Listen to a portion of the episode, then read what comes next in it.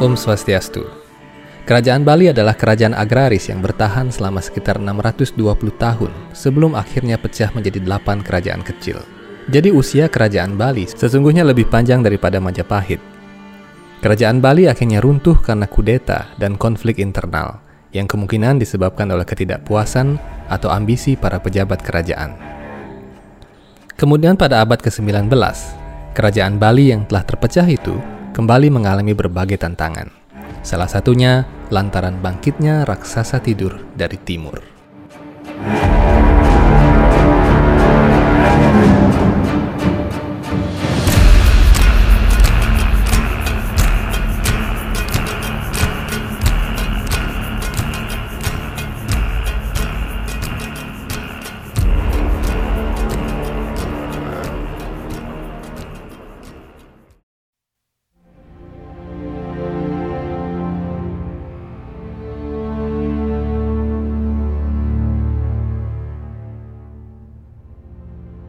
Pada tahun 1810, Bali diperintah oleh Ida Idewa Agung Putra I bertahta di Gelgel.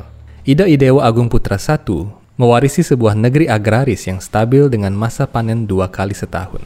Sistem penanggalan musim yang berlaku dalam masyarakat tradisional Bali berdasarkan kepada pergantian dua musim, musim hujan dan musim kemarau. Oleh karena itu masyarakat Hindu di Bali mengenal dua kali hari raya galungan, yakni pada musim hujan dan musim kemarau. Pada galungan yang berbeda, umat Hindu mempersembahkan padi-padian, buah-buahan, dan palawija sesuai musimnya. Akan tetapi tahun 1815 rupanya menjadi tahun terburuk sepanjang sejarah agraria Bali. Pagi hari tanggal 5 April, Kepulauan Nusa Tenggara berguncang hebat akibat bangkitnya Gunung Tambora di Sumbawa bagian utara.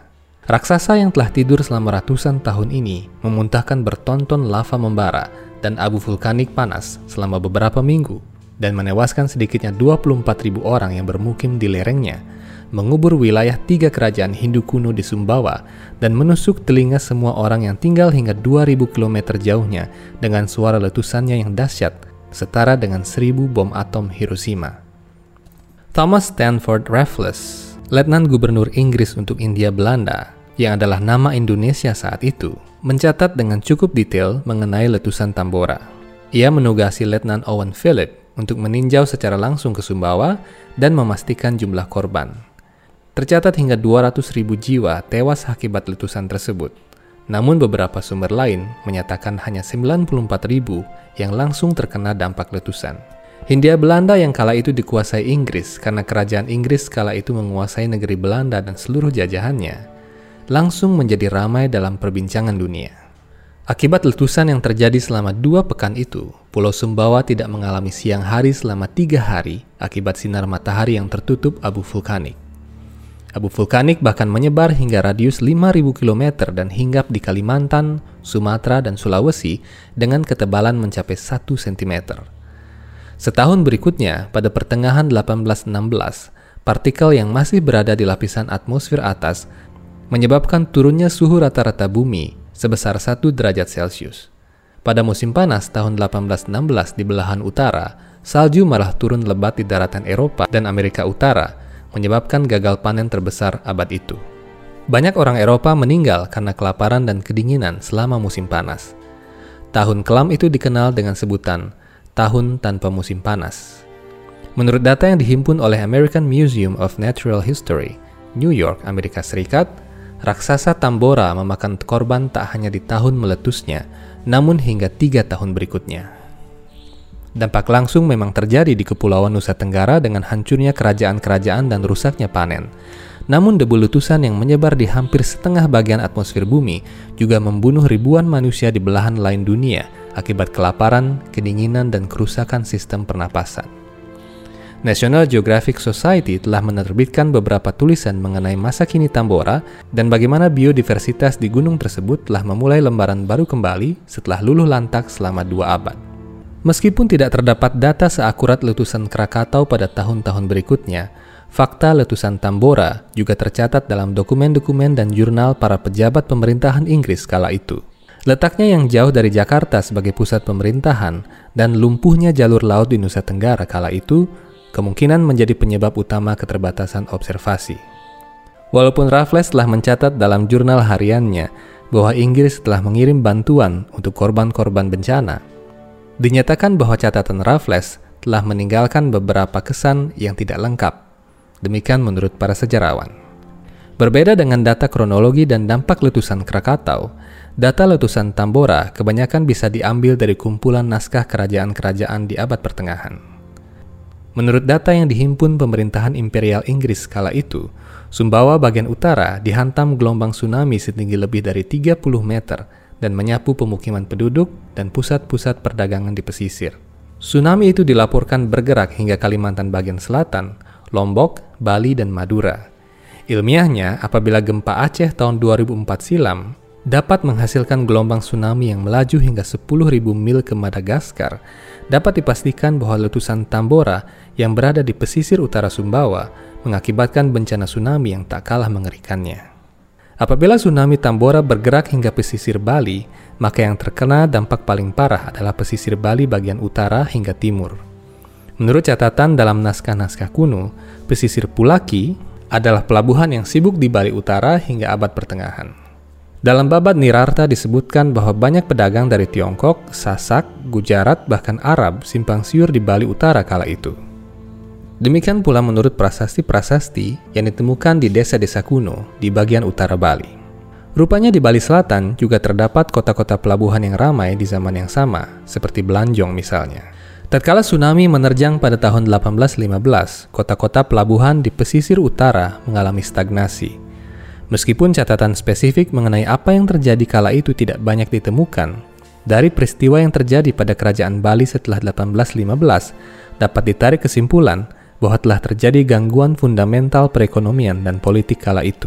Kurang akuratnya data yang diperoleh mungkin disebabkan karena Belanda belum tiba di Bali saat itu dan melakukan eksplorasi dan observasi secara mendalam.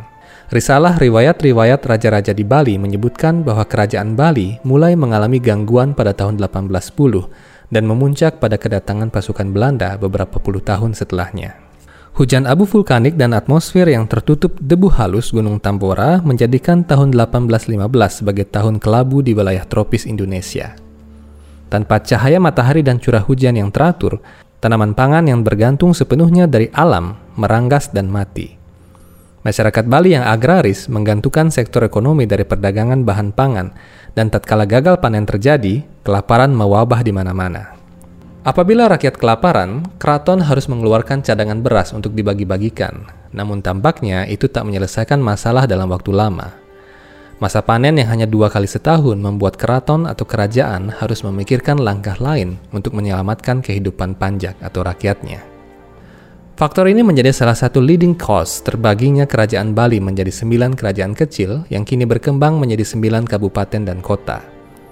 Walaupun berasal dari terah yang sama, masing-masing daerah akhirnya mulai melakukan disintegrasi dan membangun wilayah mereka sendiri tanpa perlu menyerahkan upeti ke gel-gel kala itu.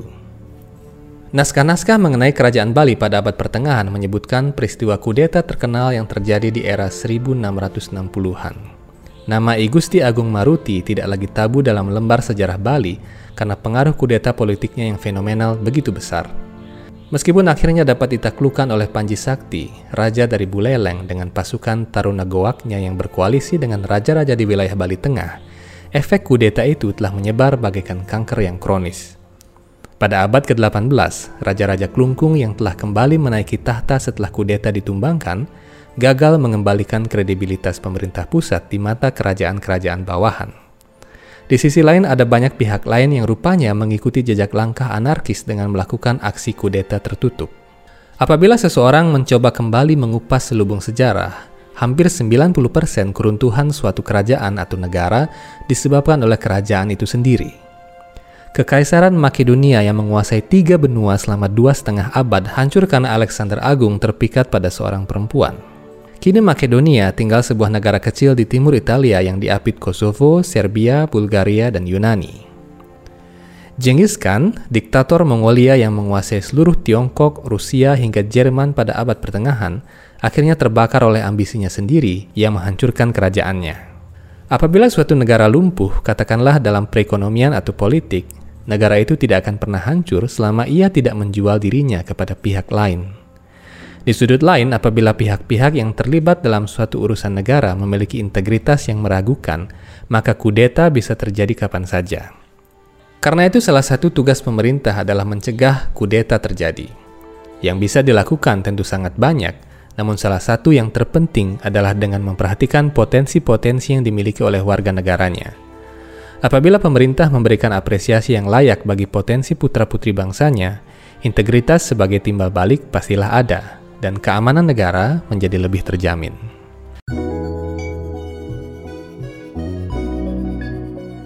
Hindu Times Channel kini memiliki fitur Join Member. Dengan mengklik Join Member di bawah video ini, anda mendapatkan fitur-fitur konten yang lebih eksklusif. Anda dapat memilih salah satu di antara tiga fitur member kami, yakni Kanista, Madhyama, dan Utama, sesuai kebutuhan Anda.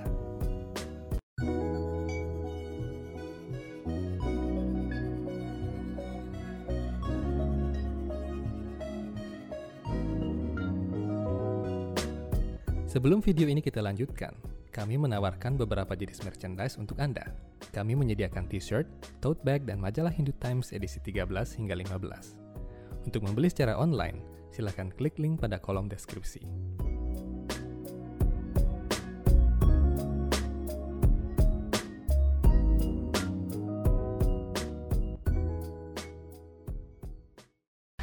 Pada awalnya Belanda tidak berminat mengeksploitasi Bali karena pulau ini tidak sekaya Kepulauan Maluku dalam rempah-rempah. Barulah pada pertengahan tahun 1800-an, kapal dagang Belanda terdampar di Purancak dan terlibat sengketa tawan karang oleh pemerintah kerajaan Bali pada waktu itu. Sejak saat itu Belanda mulai melirik pulau kecil dan indah itu lantaran keunikan budayanya dan kekayaan sejarahnya. Tampaknya rasa haus Belanda akan daerah jajahan tidak terpuaskan oleh cantiknya Pulau Dewata – di awal abad ke-19, Belanda mulai melancarkan agresi untuk menguasai Bali secara politik dan ekonomi. Menyadari bahwa menaklukkan bala pasukan Bali tidak semudah yang dibayangkan, Belanda menyusun rencana lain. Solidaritas warga Bali yang tinggi dan semangatnya dalam membela kerajaan membuat Bali sulit ditaklukkan. Di tahun selanjutnya, yakni pada tahun 1817, Belanda di bawah pimpinan Van der Broek mengadakan kerjasama dagang dengan kerajaan Bali. Sejak saat itulah banyak cendekiawan Belanda mulai datang ke Bali untuk mempelajari struktur kemasyarakatan dan adat istiadat Bali. Banyak naskah kuno diberondol ke Belanda untuk dipelajari secara sistematis, dan tak jarang orang Belanda kala itu juga pandai berbahasa Bali halus. Belakangan pada tahun 1840-an, petinggi-petinggi Bali mulai menyadari niat dibalik kerjasama dengan Belanda dan karena itu berbagai perlawanan mulai bermunculan dari panglima-panglima perkasa seperti I Gusti Ketut Jelantik dan para perwira militer dari berbagai wilayah bagian selatan. Salah satu naskah yang dipelajari kala itu oleh Belanda adalah naskah Widi Papincatan yang memuat secara spesifik tentang tugas-tugas dan kewajiban keempat golongan masyarakat atau catur warna. Berdasarkan kitab suci Weda, sistem pembagian masyarakat ke dalam empat golongan berdasarkan sifat dan pekerjaan serta pembagian masyarakat ke dalam empat jenjang berdasarkan tingkat pendalaman spiritual atau catur asrama adalah sistem alami bagi umat manusia dan akan membuat tatanan sosial masyarakat manusia menjadi kuat dan makmur. Apabila sistem tata masyarakat ini disalahartikan dan diselewengkan sebagai sistem kasta, maka sistem fundamental ini akan menjadi kacau. Pada akhirnya Belanda memperkenalkan sistem Menak dan Jabe segera setelah para politikusnya berhasil masuk dalam jaringan aristokrat. Dengan demikian, mulai pada tahun 1800-an, istilah menak dan jabe menjadi begitu kental dan mengalami penyimpangan makna. Jabe pada awalnya berarti warga negara yang tidak tinggal di istana, karena jabe berarti di luar. Mereka yang berada di lingkungan istana mengatur jalannya pemerintahan dan hukum-hukum keagamaan disebut para menak, yang berasal dari bahasa Kawi. Lantas, makna jabe dan menak berubah menjadi semacam stratum yang dikotomis dan kaku setelah zaman Belanda. Masyarakat Hindu di Bali kuno tidak mengenal sistem kasta. Yang ada adalah sistem soroh atau klan keluarga, yang juga lumrah disebut sebagai gotra. Orang-orang mengingat kekerabatannya melalui gotra-gotra ini, dan karena hubungan kekerabatan ini adalah sistem dadia dan siwa terpelihara hingga kini. Sementara itu sistem Jabe dan Menak adalah sistem stratum berdasarkan fungsi sosial dan politik, bukan pembedaan tinggi rendahnya golongan masyarakat seperti dalam kasta. Dilihat dari sistem Gotra, tidak ada perbedaan tinggi rendahnya golongan masyarakat. Berbeda dengan kasta, Gotra adalah suatu identitas garis keturunan. Hanya saja karena leluhur seseorang memiliki suatu hubungan tertentu dengan leluhur orang lain pada masa lampau, tata cara kekerabatan masih dipertahankan lintas generasi. Dilihat dari maknanya, istilah Jabe dan Menak adalah stratum fungsional masyarakat pada zaman dahulu, antara warga sipil dan kaum administrator – namun makna kedua istilah ini menjadi kabur karena campur tangan Belanda yang ingin memecah belah tatanan masyarakat Bali kala itu. Setiap orang dari gotra atau keturunan mana pun bisa menjadi Brahmana, Ksatria, Waisya, atau Sudra sesuai dengan sifat-sifat dan jenis pekerjaannya, bukan berdasarkan kelahirannya. Demikian pula orang dapat berasal dari gotra mana pun, namun sifat-sifat dan karakternya lah yang akan menentukan apakah dia adalah seorang Brahmana, Ksatria, Waisya, sudra atau di bawah itu. Oleh karena itu, ajaran Weda menekankan pendidikan karakter agar setiap orang memiliki sifat-sifat kebrahmanaan yang kuat. Trik pembedaan Jaba dan Menak ini dan kekeliruan tafsir akan makna Brahmana, Ksatria, Waisya, dan Sudra rupanya menjadi senjata yang ampuh bagi Belanda. Sistem kemasyarakatan mulai terbagi berdasarkan kelahiran dan bukan watak, sehingga orang-orang kerap menyamakannya dengan sistem kasta yang kaku. Bahkan pola pikir ala zaman company ini masih mewarnai kehidupan hingga saat ini.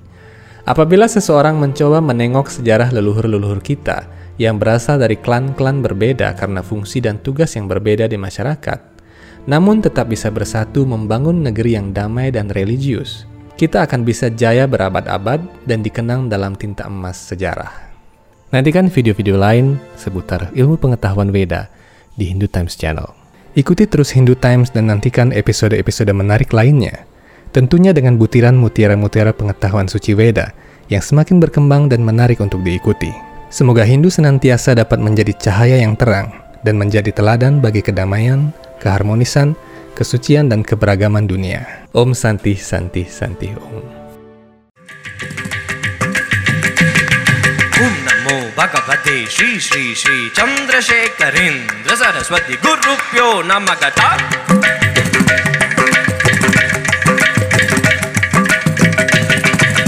Namo Bhagavate Sri Sri Sri